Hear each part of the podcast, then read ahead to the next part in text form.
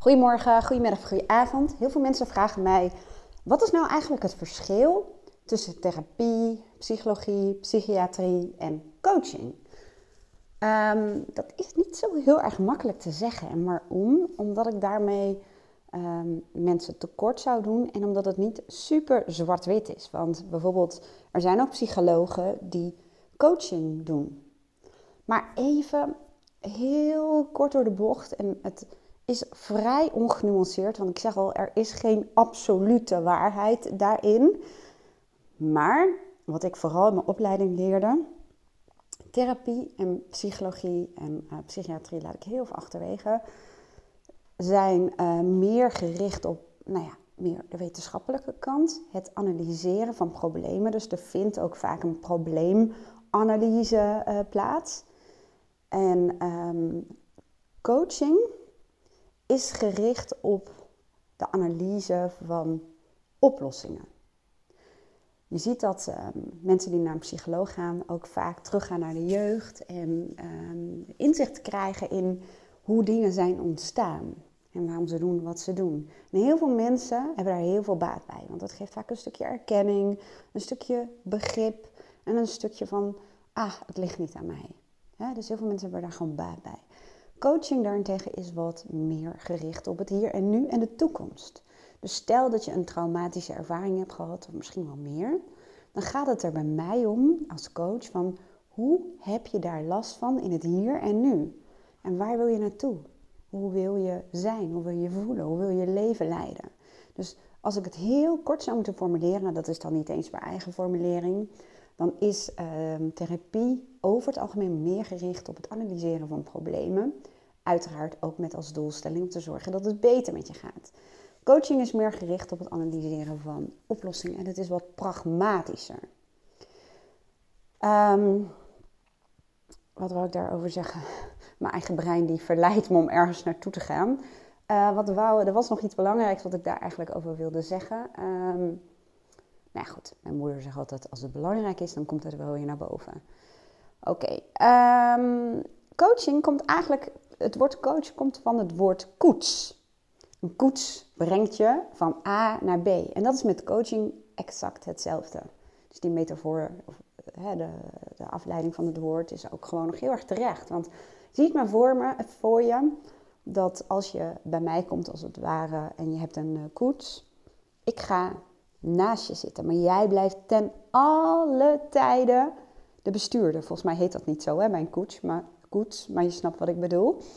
Um, ik zit naast je. En bij coaching geldt, jij hebt de volledige verantwoordelijkheid voor jouw proces.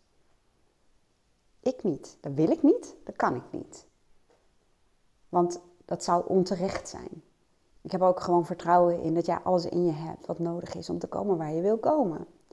Je bent niet voor niks uitgerust met bepaalde voorkeuren, verlangens en kwaliteiten. En het is aan mij om jou te helpen dat te zien.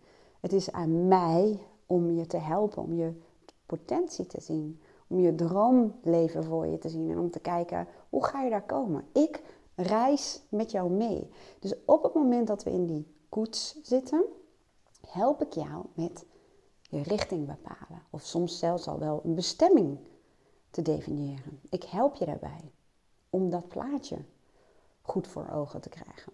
Daarnaast ga ik je ook niet de weg zitten wijzen. Nee, op het moment dat jij op een bepaald punt zit dat je denkt, ja, welke kant zou ik nou op moeten? Dan gaan we bij wijze van spreken samen even uit je koets. Ik ga je vragen stellen en ik ga je helpen, zodat jij kunt bepalen welke kant je op wilt gaan. Heel vaak zal ik switchen tussen rollen. Want je hebt een coach en je hebt ook bijvoorbeeld een mentor. Een mentor is meer een rol die je af en toe pakt op basis van een uh, bepaald gebied waar jij meer ervaring hebt. Stel, jij bent een beginnende ondernemer en ik loop al een aantal jaren mee, dan kan ik in dat opzicht een mentor voor jou zijn. Stel, uh, jij wil je losmaken uit een bepaalde relatie.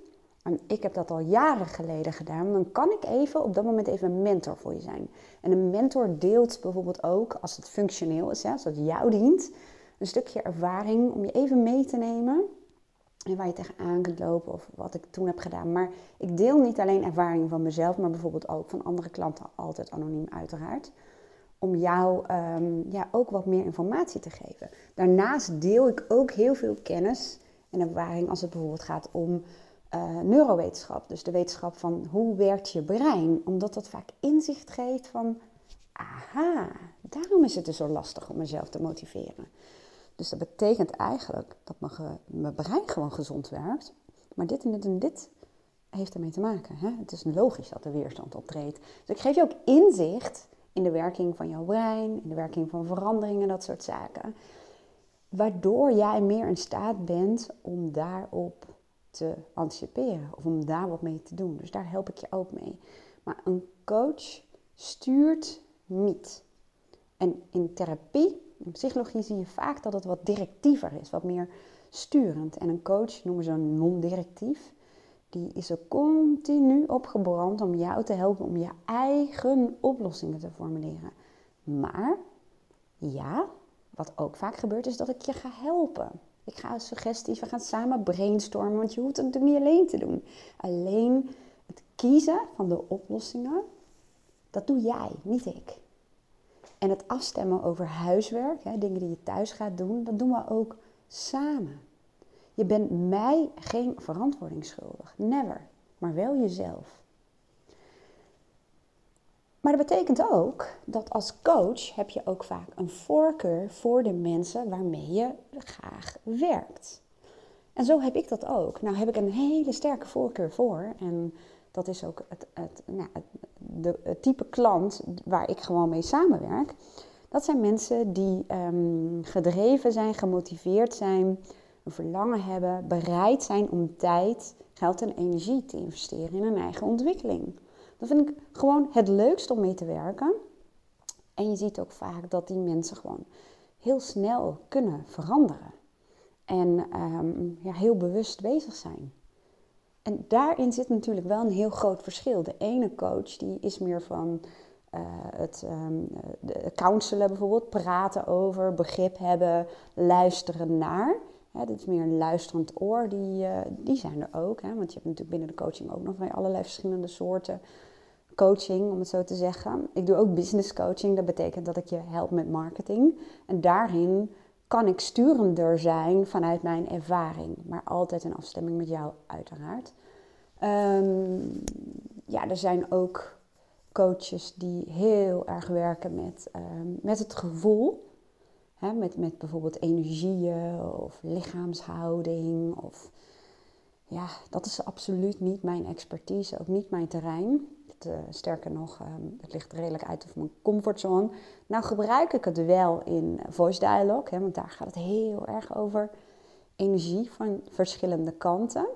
Maar je hebt natuurlijk mensen die helemaal gespecialiseerd zijn in, uh, ja, in, in ja, hoe noemen ze dat? Energie en beweging en dat soort dingen. Nou, dat is absoluut dus niet mijn expertise. Je hebt ook heel veel coaches die heel erg gespecialiseerd zijn in mindfulness bijvoorbeeld.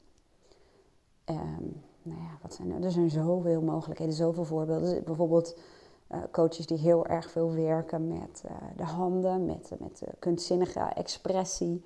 Er zijn zoveel soorten en maten. En eigenlijk is het allerbelangrijkste, dat is onderzocht, dat de klik die je hebt met je coach, en dat zal ook voor therapie gelden, maar daar wil ik niet een absolute uitspraak over doen, want ik heb het alleen maar geleerd ten aanzien van coaching, is dat de klik die je hebt met je coach twee keer zo sterk weegt, als het ware, dan de methodieken die ingezet worden. Dus de relatie die je hebt met je coach, de coach met jou, dat is twee keer zo belangrijk als de methodieken die de coach inzet. Dus daarom zeg ik ook altijd, als ik jou wat meer informatie stuur bij een aanvraag van het allerbelangrijkste is dat je A, een klik met mij voelt. Als die er niet is, is er ook geen coaching mogelijk. En B, dat de methodieken, mijn aanpak, jou liggen. Dat je meteen al tijdens een eerste sessie voelt, ja, hier kan ik wat mee. Ik krijg inzichten, ik voel hoop, ik voel vertrouwen. Dit is uh, waarmee ik wel kan werken. Nou, dat is een redelijk korte uitleg, dus ik hoop dat ik je daarmee een beetje een beeld heb gegeven van wat nou ja, in grote lijnen het verschil is tussen therapievormen en coaching. En wat daarin ook gewoon belangrijk is en wat de rol is van een coach tijdens een traject. En uh, tot slot wil ik nog even afsluiten, want um, elke coach heeft, als het goed is, een bewuste of een onbewuste missie. Ja, heel veel coaches die willen mensen helpen. Mijn missie is net even anders en dat heeft dus ook te maken met het feit dat ik bepaalde mensen graag coach. Mijn missie is om um, eigenlijk op het moment dat jij bij mij een coachtraject gaat doen, dan um, begeleid ik je om je eigen coach te worden. En het is ook zeker niet toevallig dat flink veel mensen die door mij gecoacht zijn, ook op dit moment een opleiding doen of een opleiding hebben afgerond tot coach. En inmiddels ook misschien een eigen coachpraktijk hebben. Ik zeg misschien, maar er zijn een aantal die dat al hebben. Dus ik ben ook mentor voor een aantal uh, coaches in opleiding. En dat klopt natuurlijk ook helemaal met mijn missie.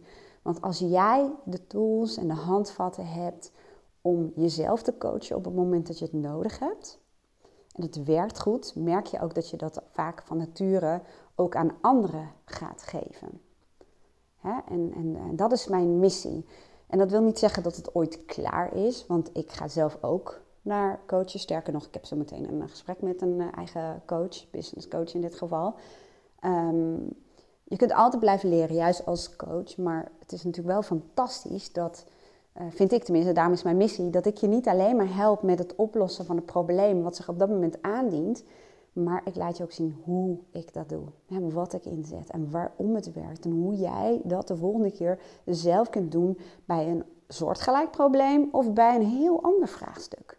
Want heel veel methodieken kun je gewoon inzetten voor verschillende vraagstukken verschillende problemen.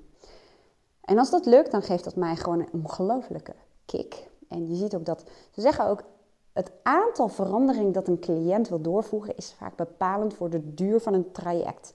Dus stel dat jij een vraagstuk hebt van, uh, wil ik uh, een andere baan, ja of nee? Of ik wil voor mezelf opkomen, ik wil wat assertiever zijn.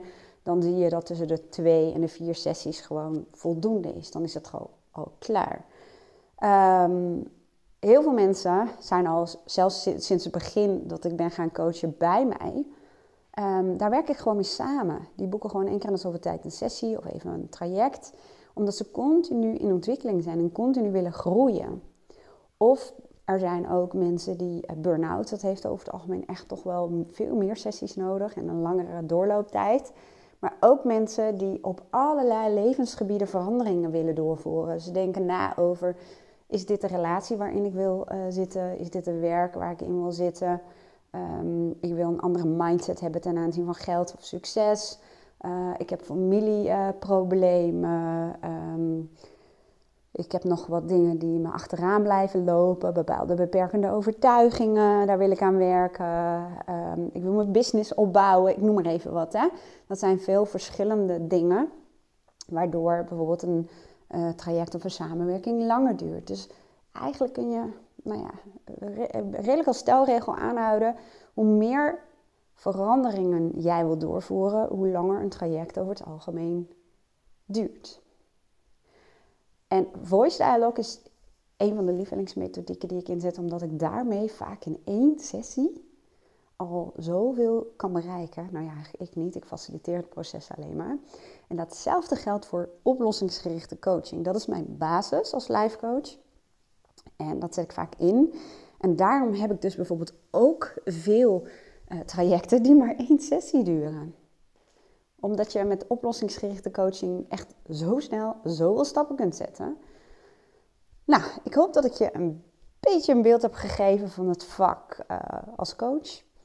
En um, ik kan er nog wel zes uur door over praten. En dan heb ik denk ik nog steeds niet alles verteld. Want nou ja, je weet het wel, er zijn zoveel verschillende vormen.